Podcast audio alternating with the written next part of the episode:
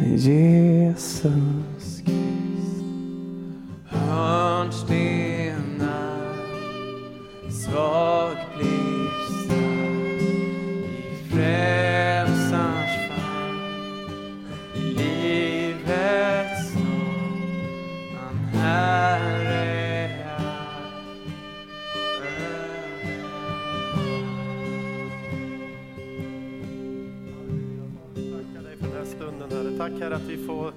Samlas här idag i ditt namn Herre och bara uppleva din närvaro Herre. Tack att du är mitt ibland oss Herre. Vi bara välkomnar dig helige Ande att få vara en del av det här mötet Herre. Att du vill lära oss och undervisa oss om den väg som vi ska vandra var och en av oss. Tack Herre att vi får bedriva utbildning och bildning Herre. Tack Herre att vi får vara en del av det du vill Herre. Att människor ska lära sig, att människor ska få kunskap inte bara om dig, utan om allt här i livet, Herre. Vi tackar dig för att du har så goda planer för oss, var och en, Herre. Tackar dig i Jesu namn. Amen. Tack ska ni ha. Ja, kristen bildning i tiden, eller hur vi ska uttrycka det här. Men, men eh, eh det är lite grann det som är titeln på det här idag. Och, eh, vi kan ta nästa bild. Det här är lektionsrutan för idag. Det är ju så här att på Broskolan så, så jobbar vi med att vi ska ha en skola som är, är så tillgänglig som möjligt för alla elever. Och då finns det olika sätt man gör det på. Dels är det att göra klassrummen lika rent möbelmässigt, vilket vi har gjort med väldigt speciell möblering i den här skolan.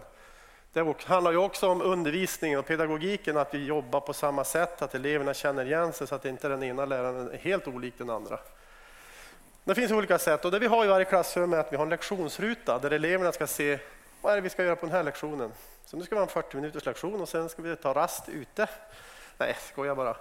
Men eh, det här är i alla fall som är tanken. Inledningen har vi börjat lite med, med en film. Sen ska jag tala lite grann om bildning, ett tidlöst uppdrag. Åsa ska fortsätta prata om det som kanske är hjärtat i kristen bildning och utbildning, nämligen eleven eller personen och att eleven mår bra. Stefan han tittar lite grann utåt, vidare perspektiv, gymnasieskolan, vad är det som ligger framåt när det gäller den biten? Och så ska vi runda av alltihopa som ett, och försöka få ihop det. Så vi börjar där. Jag tänkte strax läsa några bibelord här, för jag tycker det är viktigt att man förhåller sig till, till Bibeln som är vår grund. Och, eh, under längre tid så har jag tänkt mycket på just det här vi håller på med kristen skola och man kan tänka liksom, hur länge ska vi hålla på med det då? Vi har ju hållit på här nu i 15-16 år, räcker inte snart? Eller hur är det med den här saken? Och eh, då är det ju så att kristen grundskola är ju ingen exklusiv del i den kristna livet egentligen, den kristna församlingens liv, utan det är ju en del av det som vi hela kyrkan ska hålla på med faktiskt. Och därför så kan man titta, det finns ju jättemycket man kan hitta i Bibeln om när det gäller bibelord, så vi kan läsa några bibelord. Vi börjar här i psalm 32 och 8, det finns ju hur mycket som helst, men bara för att backa tillbaka till, till Bibeln lite grann här, så står det så att jag vill lära dig och undervisa dig om den väg du ska vandra. Jag vill ge dig råd och låta mitt öga vaka över dig, säger Herren. Det här är hans vilja. Jag vill lära dig. Jag vill undervisa dig. Så att du hittar rätt väg här i livet. I Ordspråksboken 22.6, den här läser vi ofta. Vänj, eller öva, träna, drilla den unge vid den väg som han bör vandra. Så viker han av från den när han blir gammal. Det Gud gör med oss, det vill han att vi också ska göra med våra människor runt omkring. Och det står inte bibelskola här, det står inte gudstjänst. Utan det här gäller så mycket mer. Ordspråksboken 22 och vers 17 säger Vänd hit ditt öra och hör det visas ord. Lägg min kunskap på ditt hjärta. Saul.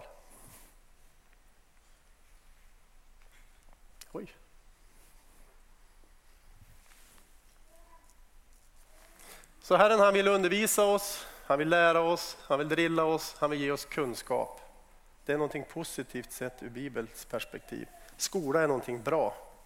Och det som vi har som vår vision lite grann i i församlingen ifrån Matteus 28 och vers 20. Där säger Jesus att vi ska gå ut i hela världen. Så säger han, lär dem att hålla allt som jag har befallt er. Visa, handled, vägled dem. Var en pedagog. Det är vad pedagog betyder, att leda barnet eller personen till kunskap. Så det finns en väldigt trygg grund i, i Bibeln egentligen om att vi har ett uppdrag som är mycket större än bara kristen skola, grundskola, utan vi har en, ett uppdrag att bilda människan allt ifrån tidig barnaår ända tills vi faktiskt lämnar det här jordelivet så har vi det i som ett uppdrag att lära oss hela tiden. Jag tror att vi alla kan säga det att man lär sig ju hela tiden och det är ju någonting som, som är en del av livet. Så därför så har vi ett uppdrag. Så det är inte 15 år, det är inte 16 år, det är inte 20 år utan det är så mycket längre. och eh,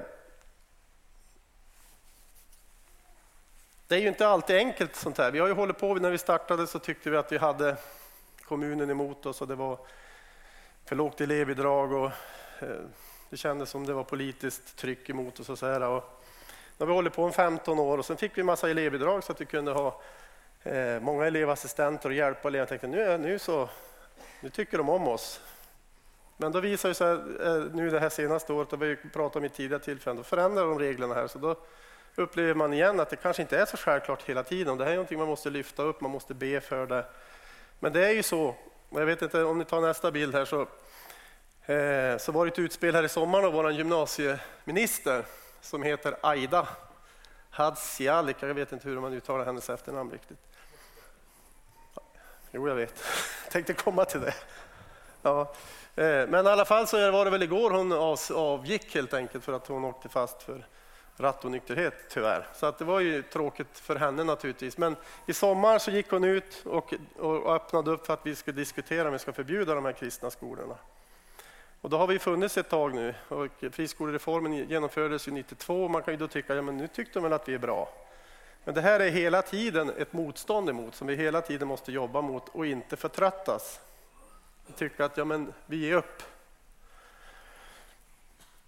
Så då läste jag i tidningen Dagen, jag prenumererar på den, eh, och nu i sommar här den 5 augusti så var det en fantastiskt intressant artikel om baptisterna. Jag vet inte om det är någon som har Dagen här, som har läst den här artikeln. Det handlar om baptisterna eh, på 1800-talet och ni vet ju eh, att de eh, startade utifrån att man hade en annan, annorlunda syn på dopet, man trodde på vuxendopet och det här var ju något enormt viktigt man gick ju faktiskt i döden för det här. Vi kan byta bild.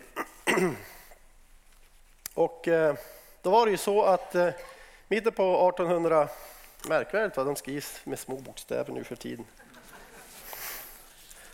Det är bra med plattorna för då kan man zooma in och ut, men det går inte med ett papper.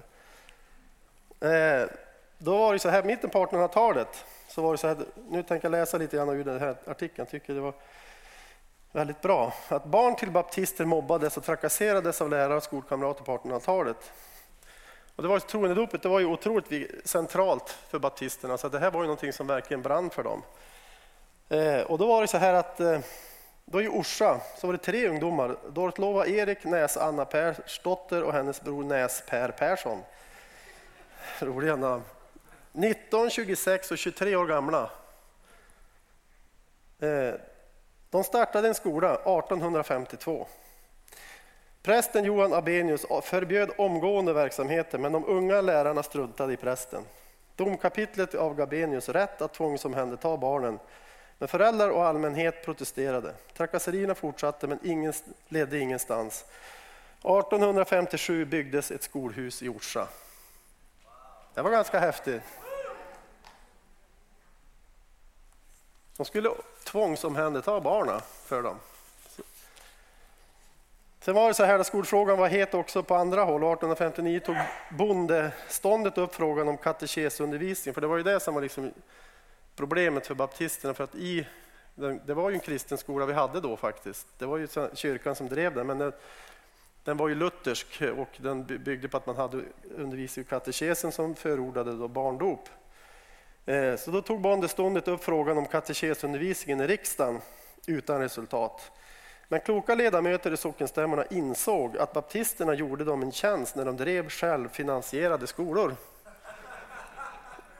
Så att, eh, och det är ju också intressant att man, man betalade alltså ur egen ficka, det fanns ingen elevbidrag. Så jag vet inte hur de finansierade, men, men de drev det här. Eh, trots det fick de ansvariga både böter och fängelse. Trots att den var självfinansierad så, så bestraffade ändå staten dem både med böter och fängelse. Dit har vi inte kommit än. 1862 öppnade Maria Lagergren som skulle bli baptisternas främsta skoldistrikt med en ambulerande skola i trakten runt Sundsvall. Så det var alltså här uppe i de här trakterna. I Ljusdals socken dömdes hon till böter om hon fortsatte undervisa. Men hon bara fortsatte. Och 1865 hade Maria 420 elever och 1556 barn gick i 15 baptistiska skolor. 1868 var de som flest. Lyssna här. 3312 barn undervisades av 30 lärare. Det här känner inte jag till. Så att det finns de som har gått före oss. Man tror man är liksom först. Det här med friskola. Och sen ett avslutande stycke. Så här, Genom sina skolor höjde baptisterna utbildningsnivån i landet och nådde samtidigt ut med sitt budskap. De visade att medborgare som sluter sig samman kan tvinga statsmakten på knä. På köpet förändrades kvinnorollen genom att de förmedlade kunskap och tog till orda i det offentliga rummet. Visst är det fantastiskt? En kristen skola som inte bara får konsekvenser naturligtvis för barnen men även i samhället i stort förändrades och eh, lyfte upp eh, kvinnans position i samhället också. Så det kan vara bra att titta lite bakåt och se att vi har inte varit först. Vi kanske inte har haft det tuffast och att eh, det finns ett uppdrag. Sen var det ju så att de här baptistskolorna, de, katekesundervisningen försvann 1919 och eh, det var också så att det, det, var, de var ju tvungna att ha i princip egen lärarutbildning och det kostade ju naturligtvis för de ville ju inte ha lärare som var utbildade i att undervisa katekesen. Och då blev det rent ekonomiskt att, att de här skolorna försvann samtidigt som skolan också förändrades. Så att, eh, det är lite grann tanken också med det här eh, med med skolan att en kristen utbildning behöver ju inte vara statisk, så att, som vi har gjort för 15 år sedan så gör vi idag, eller om 15 år framöver här så gör vi likadant. Jag tror att vi måste vara följsamma mot det samhälle vi lever i helt enkelt, precis som det, de fanns för en stund då det, då det behövdes. Och jag tror att vi har funnits under en period då det också behövs. Och här är lite kort bara, kan vara bra att veta att vi har en tusenårig historia. 1085 startade augustinermunkarna en skola i Lunds domkyrka. Någonstans där började utbildningen. Sen kan man följa här fram, egentligen ända fram till 1980 innan liksom staten på något sätt släpper greppet, eller kyrkan försvinner ur skolan. 1600-talet, under tiden här så för, för skolorna finns i olika former men, men eh, under alla de här hundratals åren så är det kyrkan hela tiden som driver skolan. Jag skulle vilja påstå att det, det som är garanten för utbildning, det är inte staten, det är kyrkan. Därför att vi har ett uppdrag som är, som är så att säga tidlöst. Oberoende av hur det ser ut runt omkring så har vi ett uppdrag att utbilda. Stat, ni vet ju samhällsskick och statliga stater kan se annorlunda ut, men kyrkan är densamma över hela världen. Så att på 1600-talet så hade Sverige en väldigt hög eh, läskunnighet på 80-90% i Leksand. Det var väldigt unikt egentligen om man ser till hela Europa på den tiden.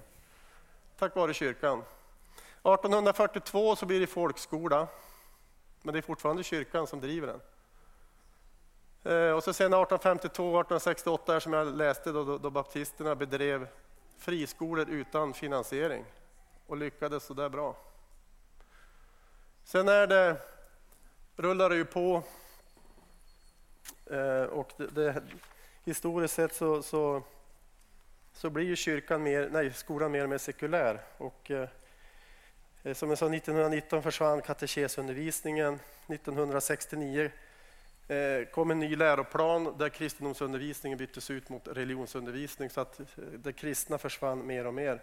Det var faktiskt så att ända fram till 1951 så var man tvungen att vara med i Svenska kyrkan för att få undervisa eller vara lärare. Det är rätt intressant. Och egentligen fram till 1980, eh, så först då så fick man bort den här konfessionsdelen i, i skolan. Så att det är inte så jättelänge sedan. som kyrkan har varit färgat och, och det är ju egentligen det som är grunden för våra värderingar och därför är, ju, är det ju, tror jag, kan man nog säga att svenskens värderingar i grund och botten är kristna. Det är inte så konstigt egentligen. För man, man tar inte bort en kultur bara på 10, 20, 30 år, utan det tar lång tid.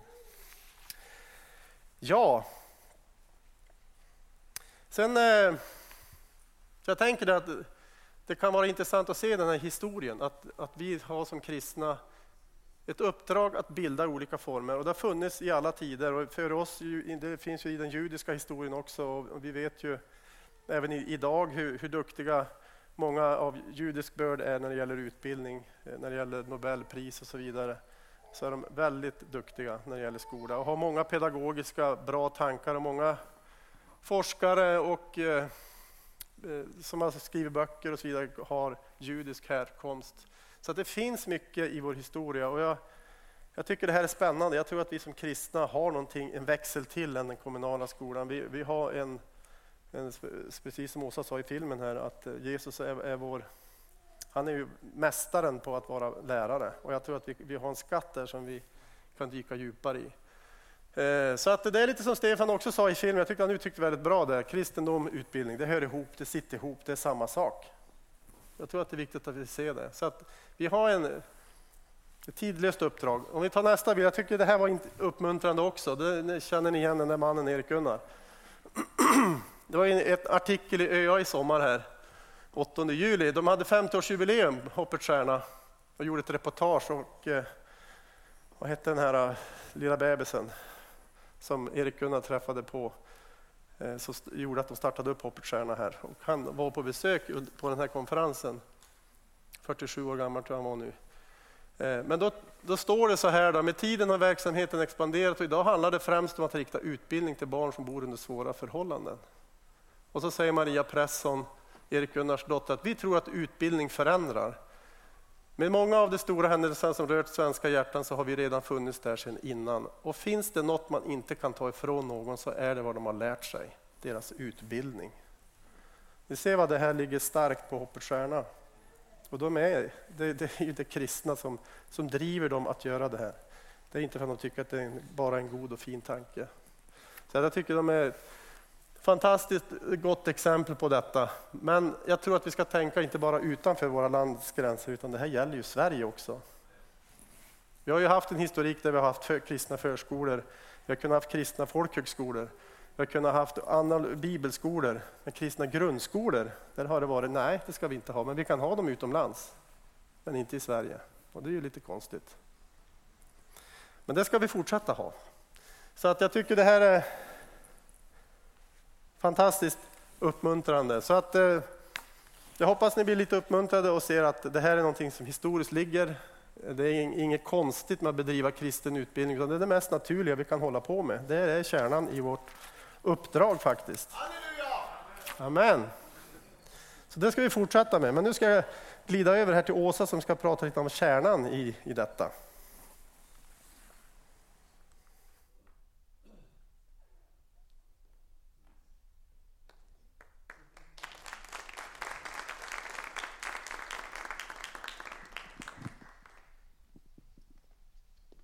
vet jag inte om den här är på, det är den. Frågade om jag ville ha den här uh, grejen vid örat. Jag är inte van den då, så att jag vanemänniska så tar jag mick. Det var ett tag sedan jag stod här. Eh, inte i den här rollen då kanske, mera med lovsången. Eh, jag tänkte dela med er lite grann idag kring elevhälsan. Eh, jag skriver elevhälsa Broskolan för det är där som jag jobbar, är engagerad, lägger min tid och min kraft. Men det här är ju elevhälsa i den kristna utbildningen, i de kristna skolorna som finns i Sverige. Det är samma nerv, det är samma hjärta i det här.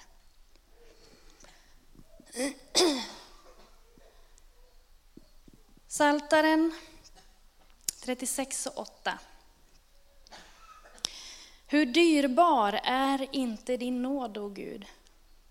Människans barn har sin tillflykt i dina vingars skugga. Och det tror jag den kristna skolan handlar om. Vi har enormt många unga som mår jättedåligt. Som går igenom tuffa saker. Som kanske inte alltid har det stöd som de behöver. Och de söker. De behöver det här stödet. Och jag tror att många gånger att bara få komma in under hans skugga, under hans vingar, gör en stor förändring i de här unga människornas liv. Och det är där som vi kan vara med, få vara ett verktyg. Att nå fram till deras hjärtan. Att gå före. Visa på Guds omsorg. Att den finns där. Att han ropar på dem.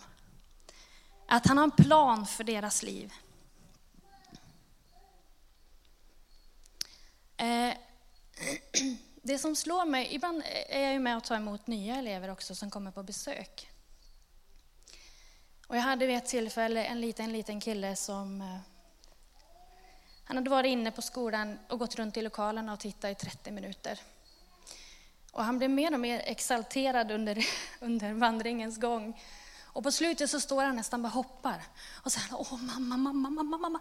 Jag kommer aldrig, aldrig i hela mitt liv någonsin att glömma den här skolan. Och då har han varit här i 30 minuter. Och då tänker jag så här, du, alltså, du har inte börjat än då. Men jag tror att folk som kommer in här, in i lokalerna, in under hans vingars skugga, känner att här finns någonting extra. Här finns någonting som jag söker. Här finns någonting som jag längtar efter. Vi har haft besök även från, från kommunen som säger samma sak. Jag förstår inte, alltså det känns som att man inte riktigt vill gå härifrån. Nej, jag vet, men nu har vi haft det här mötet så... Eh, nej, inte så, skämt åsido. inte på det viset, men, men nästan. Därför att folk söker idag, människor söker idag.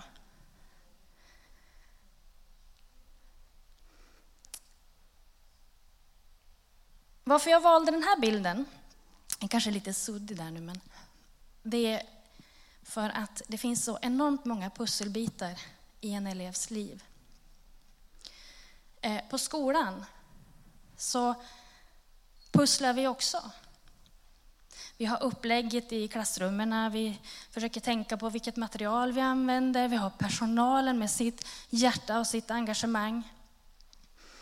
Och i allt det här så ligger elevhälsan som ett nav i skolans verksamhet. Där man får veta om elever som kommer, man kan stötta upp personalen, man kan förbereda, vi ber tillsammans. Men personal kan också signalera tillbaka till elevhälsan.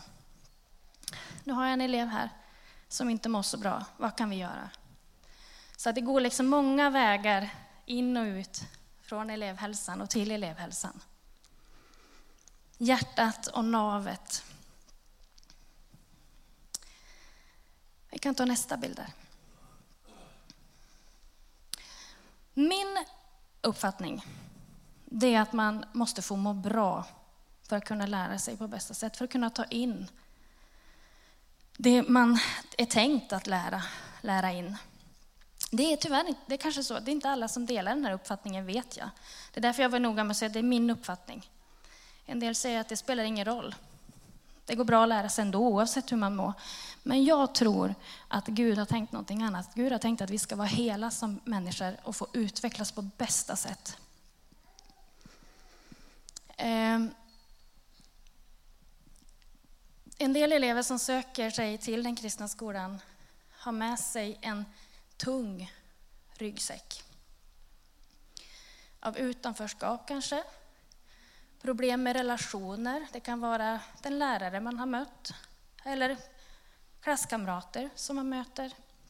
Det kan vara saker som händer hemma. Ryggsäcken kan vara ganska tung. Eh, och det som är så fascinerande att se, att många av de här eleverna, där vi liksom kanske mänskligt tänker att åh, hur ska detta gå alltså? Hur ska vi klara av detta? Och så, du vet, plingar det till lite. Ja, inte i egen kraft. Lyft. Lyft den här eleven redan innan den kommer till skolan. Be att Guds vilja ska ske i den elevens liv. Och så börjar de på skolan och efter ett tag så tittar vi på varandra och säger så här, alltså vad, vad hände egentligen? Vi har varken hört något eller, alltså det rullar på. De här problemen som fanns med från förut, de kan vara som bortblåst. Funkar jättebra med kompisar eller svårigheter med andras grejer som liksom bara får, får lämna. Och sen har vi naturligtvis elever som vi jobbar med också. Absolut.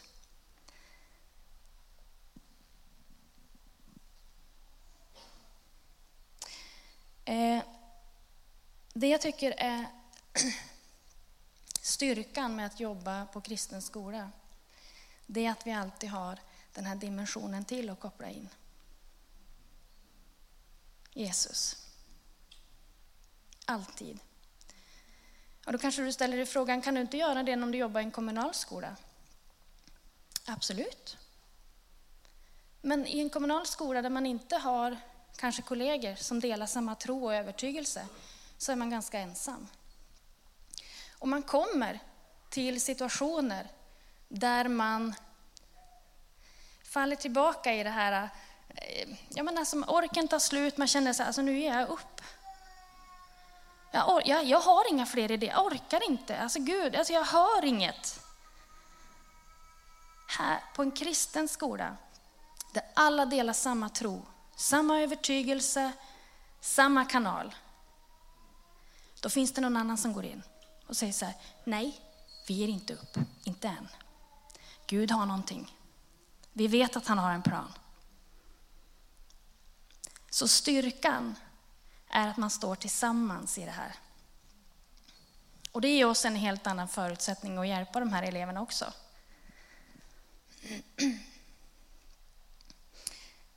Eh, och jag tänker på det också att Jesus han bemötte ju alltid människor med kärlek, generositet och nåd.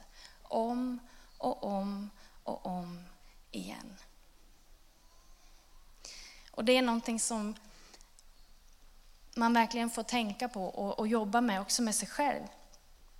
För hur lätt är det inte att säga det liksom att ja, jag förlåter dig, men jag vet ju att du kommer göra samma sak imorgon igen.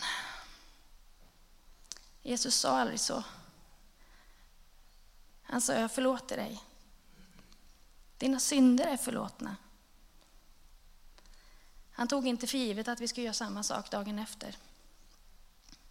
Och den tanken får vi bära med oss när vi jobbar med eleverna. Ja, vi får förlåta idag. Och idag är idag. En ny dag har ny nåd. Eller hur? Det är jättehärligt. Eh, vi kan byta bild. Jag hoppas att jag håller mig till tidsplanen här, för jag har en tendens att dra, dra iväg när jag blir lite för engagerad.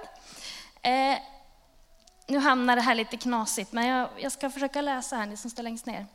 Broskolans målsättning, att tillgodose elevens behov till ande, själ och kropp.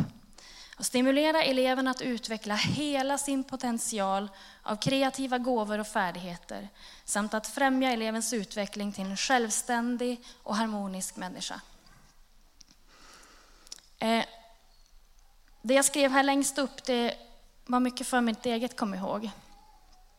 Men jag läste ganska nyligt om en man som hade blivit svårt mobbad under hela sin skoltid, både psykiskt och fysiskt. Och hans behov av att få upprättelse, den var så stor så att när han blev 36 år gammal så bestämde han sig för att söka upp de här plågoandarna som han hade haft. Och jag, jag såg intervju med honom och han sa det att jag visste att jag skulle få fängelsestraff för det jag tänkte göra. Jag visste vad som väntade mig när jag tog det här beslutet. Men att få upprättelse behövdes för att jag skulle kunna gå vidare med mitt liv. Så jag tog det.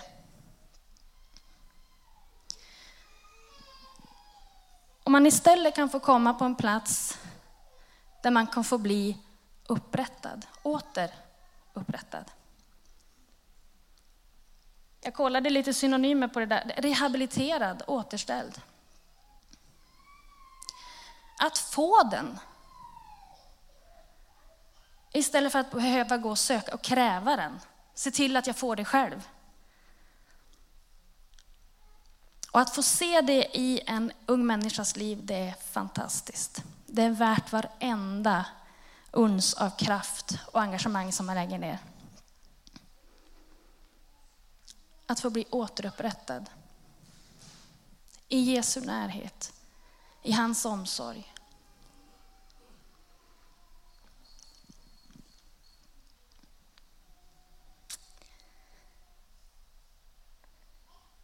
Vi ska kunna byta där bild.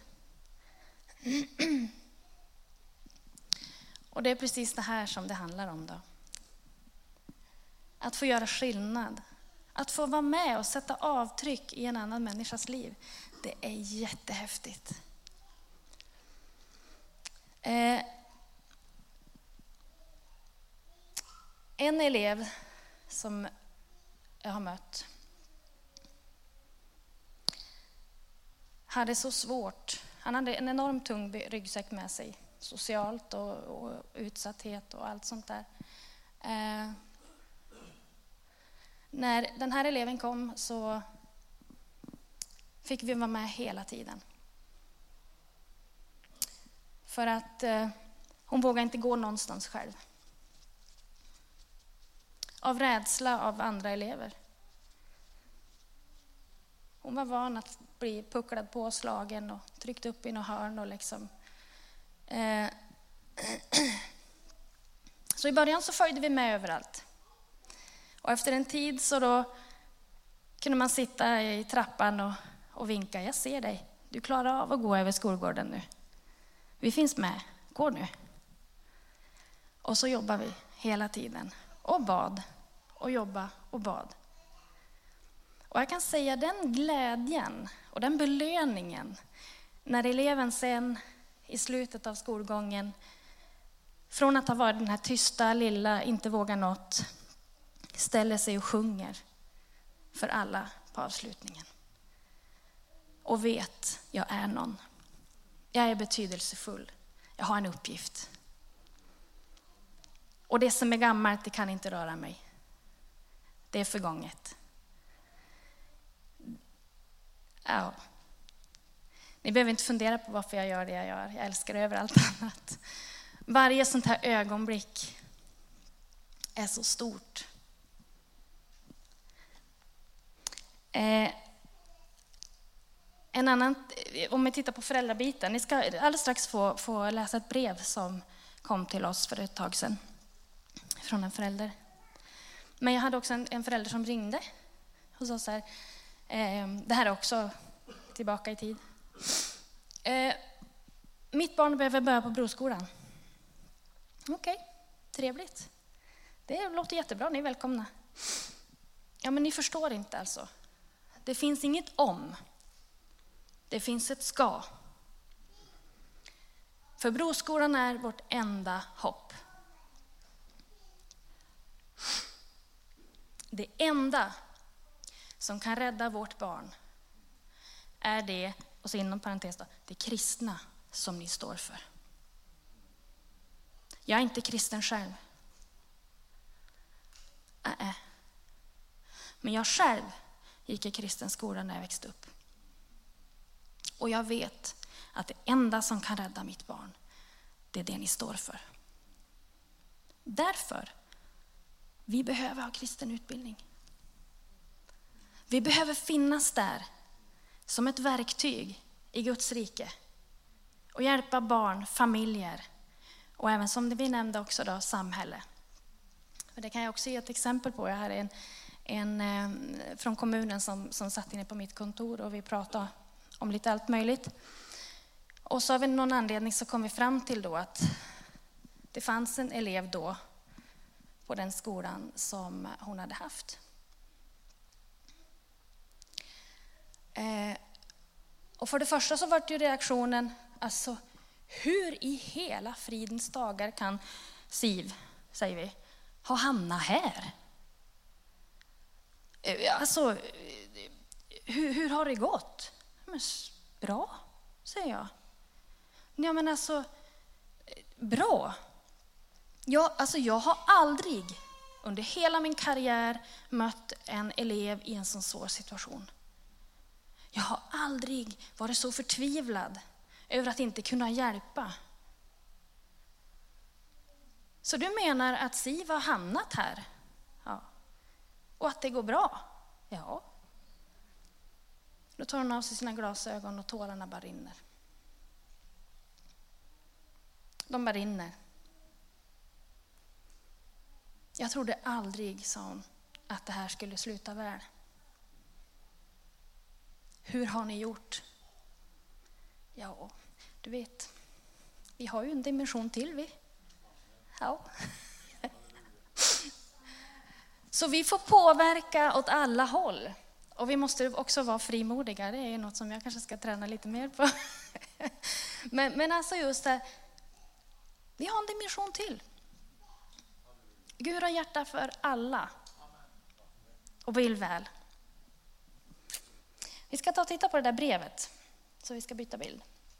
Jag ska se om jag kan ta fram det här själv, kanske här så blir det lättare att läsa för mig.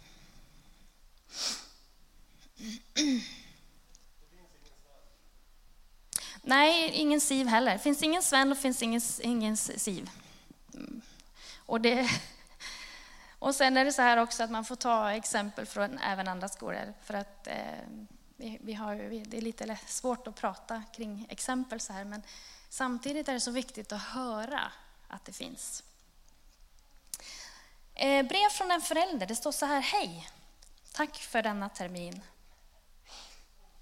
Sven har kommit tillbaka med bravur de sista månaderna och där har ni varit mycket viktiga. Personalen har med talang och magkänsla varit viktiga för att det skulle gå så här bra som det faktiskt gjorde. I och med studien, att studierna fungerar bättre så har även Svens självförtroende stärkts månad för månad. Svens stärkta självförtroende då studierna gått bättre påverkar livet utanför skolan på ett mycket positivt sätt. Utanför skolan har Sven även gjort stora framsteg och varit med på många aktiviteter. Vår senaste semesterresa var fantastisk. Han var med på alla aktiviteter. Det är extremt glädjande för en förälder att se detta. Se Svens hopp om framtiden som han inte har haft på flera år. Nu talar Sven mycket om gymnasiet och vad han vill jobba med och det har han aldrig gjort tidigare. Återigen, tack för allt. Hoppas att ni får en trevlig sommar med chans till återhämtning. Det är viktigt för att ni ska orka utbilda, inspirera och hjälpa nya elever även nästa år. Mm. Vi kan ta den sista bilden där. I mitt arbetsrum har jag en stor väggtext med de här orden. You never fail until you give up. Och då kanske någon som tänker, Åsa ta det lugnt. Alltså, man kan inte gå i egen kraft. Nej, men det var den bilden jag pratade om innan. Den där lilla gröna kanske jag kan vara, gubben där. Och när man hamnar i det läget att jag känner så här, alltså det finns inget, det finns inget mer. Då kliver fler in. Alltid. Men jag tror att det är viktigt att tänka så, för att eh, jag menar Jesus han, han gav, gav ju aldrig upp på oss heller. Någonsin. Och inte vi gör det med våra elever heller. Någonsin. Mm. Ja, sista bild. Jag vet inte om jag höll mig till tid här, men... Eh, jo, men jag kan säga det när det gäller de här filmerna. Det kan vara en liten sån här rolig grej. Eh, de ploppar tydligen upp på lite olika sidor. För mitt, min man han jobbar på ett ställe där de har så kontorslandskap. Och så sitter han och jobbar med sitt och så hör han hur jag börjar snacka. Han tänkte, vad i... Och så sen så, så, går han runt liksom, och så ser han, då sitter en kollega där och ser filmen från Broskolan. Eh, så att han frågade. Jag säger, jag vet inte. Nej, men nu har jag hört det ganska många gånger på dagarna och det ploppar upp lite nu och då. Har ni något sånt där auto, något visst sökord så ploppar de upp eller? Nej, så har jag ingen aning. Så vi får ställa frågan vidare här, men det är ganska härligt att se att de kommer. Stefan, du får ta över, annars fortsätter jag.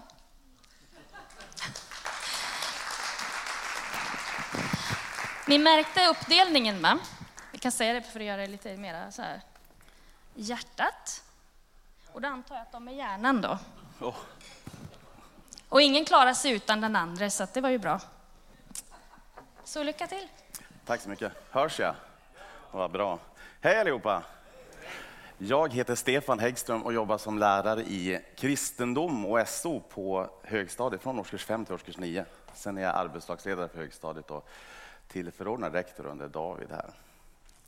Jag tänkte jag skulle på uppmaning av David prata lite grann med er om eh, våra planer kring gymnasiet. Och då har jag lagt upp det som så att jag tänker att först berättar jag lite kort om vad just tanken kring den nystarten av ett gymnasium kom ifrån hur ansökningsförfarandet gick till, vilka mervärden och ledord vi tänker ha. Så tänker jag avsluta med att visa dem lite kort information om de två särskilda varianter som vi vill erbjuda på det gymnasiet. Och syftet med det här då är helt enkelt att få er eh, mer kunniga och medvetna om vad våra tankar kring nyetablering av ett gymnasium innebär. Låter det bra? Ja. Vad bra, det hade varit jättesvårt att ändra så här direkt på plats annars. Bra. Eh, historien bakom gymnasiet började faktiskt för två år sedan. För två år sedan då var Broskolans styrelse ute på Solbacken och hade ett strategidygn och då blev Broskolans arbetsutskott inbjudna till att vara med där också. Och i diskussionerna och visionerandet som var där då så började vi fundera över eh, det faktum att vi faktiskt har väldigt många gymnasiebehöriga lärare på Broskolan. Närmare bestämt vid det tillfället då så hade vi faktiskt sju stycken olika ämnen som fanns representerade i det lärarkollegium som vi hade här. Tanken berodde sen, och den hände inte så mycket mer av det. Sen träffades vi i fjol igen, för ett år sedan. Och då tog vi beslut om att vi skulle skicka in en ansökan den sista januari, eller första februari, beroende på hur man ser det, för att starta ett nytt gymnasium. Och vi tillsatte en arbetsgrupp då som bestod av Maria Nordberg, mig, Anita Risberg och Anders Risberg som skulle arbeta fram en ansökning som vi då sen då skulle lämna in. Och då skedde det som så att vi började träffas varannan vecka ungefär under hösten för att spåna fram mer var vi vill hamna och vad vi vill åstadkomma. Vad vill vi med det här nya gymnasiet? Och sen den första december, då bjuder antingen David eller Thomas eller Maria Nordberg in eh, Hans Gabriel som är skolutvecklare på Livets Ord kristna gymnasium och Livets Ord kristna skola för att sitta med oss och berätta för oss hur en ansökningshandling går till. För att han har jobbat väldigt mycket med det när det gäller just utökningen av deras eh, gymnasieprogram och ansökning av nya skolenheter. Så vi sitter en hel dag och funderar tillsammans med honom och vi blir såklart uppfyllda av det.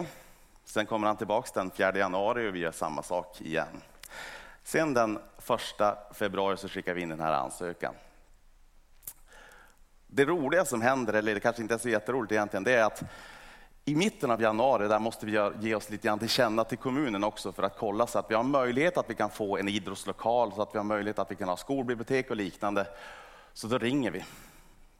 Och vi ringer och hör huruvida det finns en möjlighet att hyra idrottslokaler, hyra in platser kring simning och möjlighet att ta del av skolbibliotek och liknande.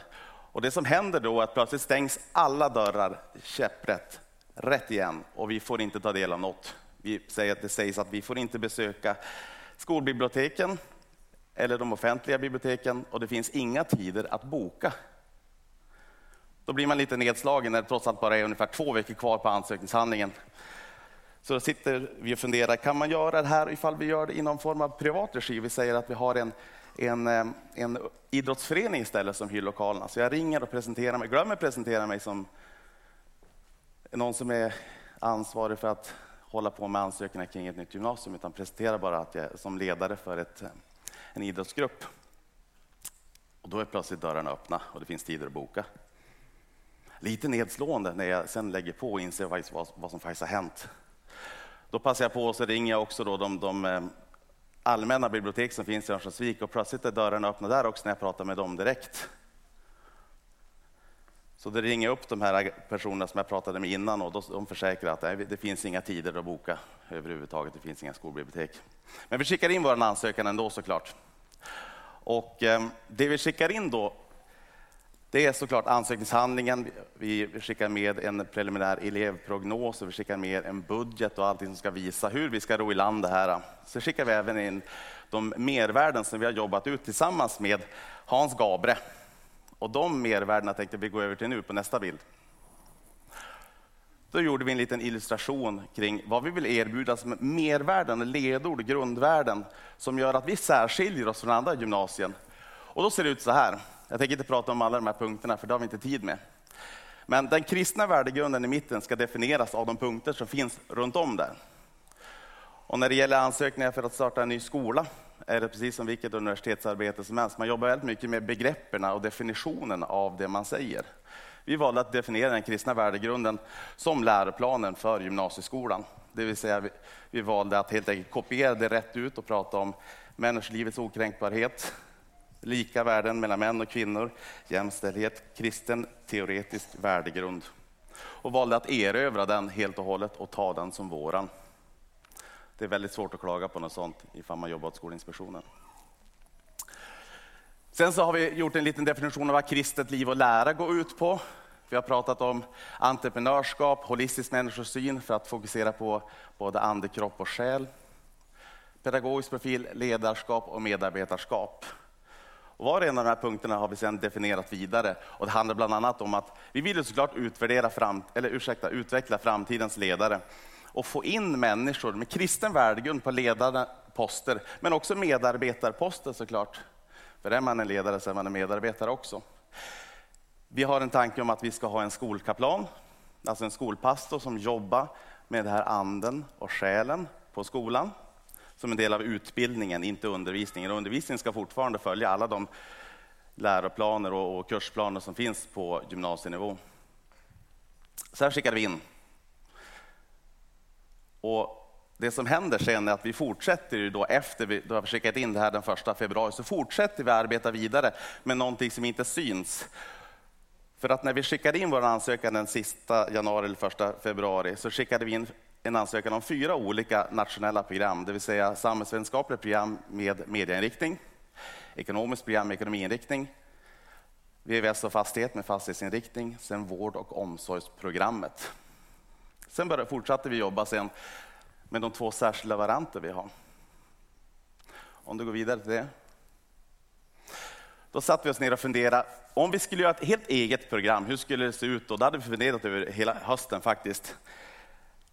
Men hela tiden så sa alla mina kollegor på, på rektorsprogrammet sa så här att starta inget, e, ingen särskild variant, starta ingen egen variant överhuvudtaget. Det är för mycket jobb, det är alldeles för svårt. Så med det i ryggsäcken så satte vi igång och göra ett eget program, eller två egna program. Så då är det så här att på gymnasiet då finns det x antal olika kurser. Det är gymnasiegemensamma ämnen som alla i hela gymnasiet läser. Det finns programgemensamma och det finns inriktningar, individuellt val, programfördjupning och så ett gymnasiearbete. Det ska omfatta ganska precis 2500 poäng.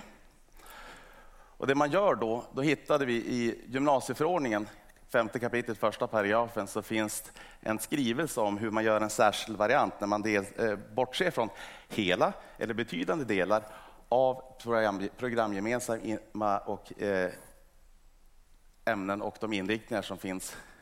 Och så börjar vi plocka ihop det här. Kort sammanfattat kan man säga så här. Kulturprogrammet som vi vill starta, det är ett samhällsvetenskapligt program i grund och botten. som vi sen har valt att lägga till naturkunskap 2, som är en sån nyckelkurs som finns på gymnasiet, som leder till att man får en väldigt, väldigt bred eh, ämnesbehörighet, områdesbehörighet för att söka vidare för universitetsstudier. Man är inte nischad in att man har gått till exempel samhällsprogrammet. utan det blir en mer naturvetenskapligt bred utbildning. Och det tror jag kommer att kunna attrahera folk att välja Norrlands kristna gymnasium för att man får en bredare behörighet att söka vidare sen. Sen så jobbade vi fram ett förslag till programmet för business och internationella relationer. Och där valde vi sociologi som en sån nyckelkurs som återigen gjorde att man fick en väldigt, väldigt bred behörighet när det gäller vidare studier på universitetsnivå. Och så lägger vi till administrativa kurser. Vi lägger till kurser som internationella relationer, konflikthantering. Extremt intressanta kurser. Och där ska vi skicka in nu i höst som en komplettering. Den gymnasieansökan som vi har inne gör att vi får tidigast börja hösten 2017 eller hösten 2018. Får vi godkänt på alla fyra programmen kan vi starta dem eller inga av dem. Det är inget tvång så. Så vi får se var vi hamnar och landar någonstans när det gäller det här. Det intressanta är att eh, det finns tydligen inget kristet gymnasium norr om Gävle, om jag minns David rätt. Så jag tror att det finns något fantastiskt viktigt att starta ett kristet gymnasium i Örnsköldsvik. Så vi kan locka folk till Örnsköldsvik från exempelvis Umeå eller Sundsvall som vill gå på ett kristet gymnasium. Och på så sätt kan vi bredda det utbildningsutbud som finns i Örnsköldsvik. Så vi får ta någonting nytt till Örnsköldsvik. Vi ska utbilda framtidens ledare, vi ska utbilda framtidens samhälle med goda värderingar. Det finns liksom inget tvivel om det. Vi är ganska övertygade om att eh, vi är inne på ett bra spår här och att Gud är med oss. Och än hur mycket motstånd vi får så spelar det inte så stor roll, för att om Gud är med oss, då får det vara vilket motstånd det vill. Det händer ändå ingenting. Men ändå så vill jag lämna er med en uppmaning om att be så mycket ni kan och så mycket ni vill för den här ansökan. Så att det blir öppna dörrar och det blir öppnade andliga ögon för de som jobbar. Tack så mycket.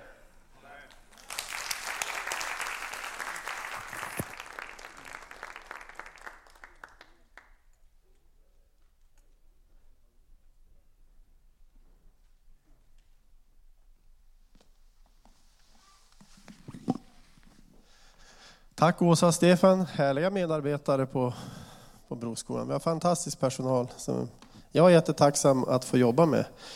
Eh, vi, har ju, vi kan ta nästa bild bara. Eh, ja, nej, backa tillbaka. Så. Vi har ju pratat lite grann om kristen utbildning, att det är vårt uppdrag. Det är tidlöst, det är ingenting som vi slutar med. Det, är inte, det handlar om egentligen hela livet. Eh, det kan vara söndagsskola, ungdomsarbete, söndagsgudstjänster, folkhögskola, men också kristna grundskolor. Vi har pratat om hjärtat i vår verksamhet, eh, det är eleven. Och eh, eh det viktiga att eleven mår bra och att vi inte bara ger kunskap utan även kan ge värme till våra elever. Och vi har pratat om också att det inte bara är grundskola utan det är gymnasieskola och vi har ett uppdrag som växer och eh, vi fortsätter. Så det är ett engagemang i det här som det är fantastiskt att se under åren tycker jag, som vi håller på. Så jag är jättetacksam jag brukar säga det. Tack för förbönerna och tack för att det finns en församling som står bakom. För inget av det här är ju självklart. Och vi skulle kunna finnas som ett enskilt utbildningsföretag bara som bedriver det här. Men då finns det inte djupet och tyngden och stödet i den andliga världen som, som man har, som vi har här. Eh, så att, eh, tack för era förböner. Och, eh, vi fortsätter framåt och det som ligger nu det är ju, vi har den här äh, gymnasieansökan som, som Stefan pratar om. Vi har även en ansökan om att starta en ny förskola på Parken. Ni kanske läst i, i tidningen här att eh, kommunen har ju redan flyttat in i våra fastigheter uppe och, och, vi själva planerar att också starta en förskola där uppe på Parken. Eh, förhoppningsvis runt årsskiftet någon gång. Vi är även engagerade i Umeå genom att jag är rektor där på, på Hannaskolan och jag är även involverad lite i Mariaskolan, den andra kristna skolan där uppe. Som, så vi försöker hjälpa varandra helt enkelt i det här med kristen utbildning i Övik, Umeå, i Norrland. Eh, vi är engagerade naturligtvis i Broskolan, i Solstrålen, Kristna friskolerådet. Vi håller på med TROX, ett arbetsnamn för samarbete mellan kristna friskolor. Så att eh, vi är minst sagt med i racet. Vi håller på och vi, vi, vi lever i det här. Och vi ser väldigt spännande på framtiden. Eh, så att eh, lite kort bara om det som kommer då inför för kommande läsår. Vi har förändrat lokalerna återigen lite grann, som vi alltid brukar göra. David han gick ut och slog filisterna varje år. Vi brukar flytta vägar varje år. Lite så skämtsamt. Nej, men, eh, så att, eh, vi har gjort om lite grann uppe i... Ni vet att vårt församlingskontor är ju här uppe nu. Nu har vi tagit, intagit det gamla kontoret också, så nu är det ett klassrum där. Och sen har vi gjort om konferensrummet där uppe till ett jättefint bibliotek. Man kan även ha det som ett litet konferensrum. Och så har vi flyttat om lite grann här uppe. Eh, solstrålen ser ut att ha ungefär 30 barn till hösten. Vi hade faktiskt drygt 40 när vi gick ut i våras, men några går vidare till grundskolan och några byter till andra kommunala förskolor. Eh, när det gäller Broskolan så har vi faktiskt 13 nya barn här nu som, som ska göra provperiod här. Så att, eh, be för de barnen att de kommer rätt in i skolan. Och om alla de kommer så, så närmar vi oss faktiskt 100-strecket när det gäller antalet elever. Så någonstans mellan 95-100 elever förväntas vi vara i starten. Så att det är den här magiska 100-gränsen som vi kanske spränger i år. Så be för det här. Eh, och be för bygglovet också för förskolan uppe på parken som eh, måste till för att vi ska få kunna få till det där uppe.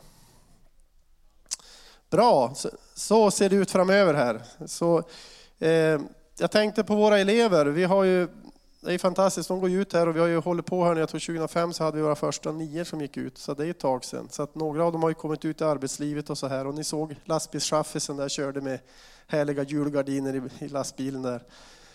Eh, så att eh, vi har allt, alla kan man säga, så vi har lastbilschaufförer, arkitekt, journalist, präst, politiker, elektriker. Det, alla typer av, av yrkeskategorier går de ut i och, och förändrar samhället överallt. Så att det är fantastiska pilar vi kan skicka ut i samhället i olika funktioner och de bär med sig någonting som är otroligt värdefullt. Så det är eleven som är i centrum och det är eleven vi jobbar för. Det är människan hela tiden som, som Gud är intresserad av. Precis som Åsa hade ett exempel så, så vill jag avsluta här, och det är så att det är avidentifierat. Och det här är kristen bildning vi pratar om, så det behöver inte bara Broskolan, det kan vara andra kristna skolor. För det ser ut så här på de kristna skolorna. Vi hjälper. Vi är inte på något sätt perfekta, vi har det vi jobbar med. Men det finns väldigt goda exempel. Och jag vill avsluta eh, alltihopa här med en, ett, eh, en dikt ifrån en elev här. I mitt eget hörn satt jag i mina ögon fanns en sökande blick. Nästan på gränsen till förtvivlad började jag leta. Jag hittade en som för alltid skulle bli min bästa vän, Gud. Efter ett tag började jag se konturer av några människor som närmade sig. Dessa var personer med Gud i sitt hjärta. När jag såg dem kände jag en enorm glädje vakna ifrån mitt ljumma hjärta. Jag kände att dessa var vänliga människor och mitt hjärta blev varmt så det nästan brändes. När jag började prata med dem kändes det som en stor sten lyftes från mina axlar. Dessa människor räddade nog ett liv den dagen, för annars hade jag nog dött inombords och levt som ett halvtomt skal. Men det enda som fyllde mig, Gud, tog min arm och ledde mig till de goda människornas närvaro. Efter den dagen tinade mitt hjärta bit för bit. Ännu finns det fortfarande ett lager av is runt det, men dess tjocklek är betydligt mindre. En dag kommer mitt hjärta bli så fyllt av kärleken att det kommer att bryta sig fritt från isen och den dagen kommer jag vika ut mina vingar och flyga. Tack ska ni ha.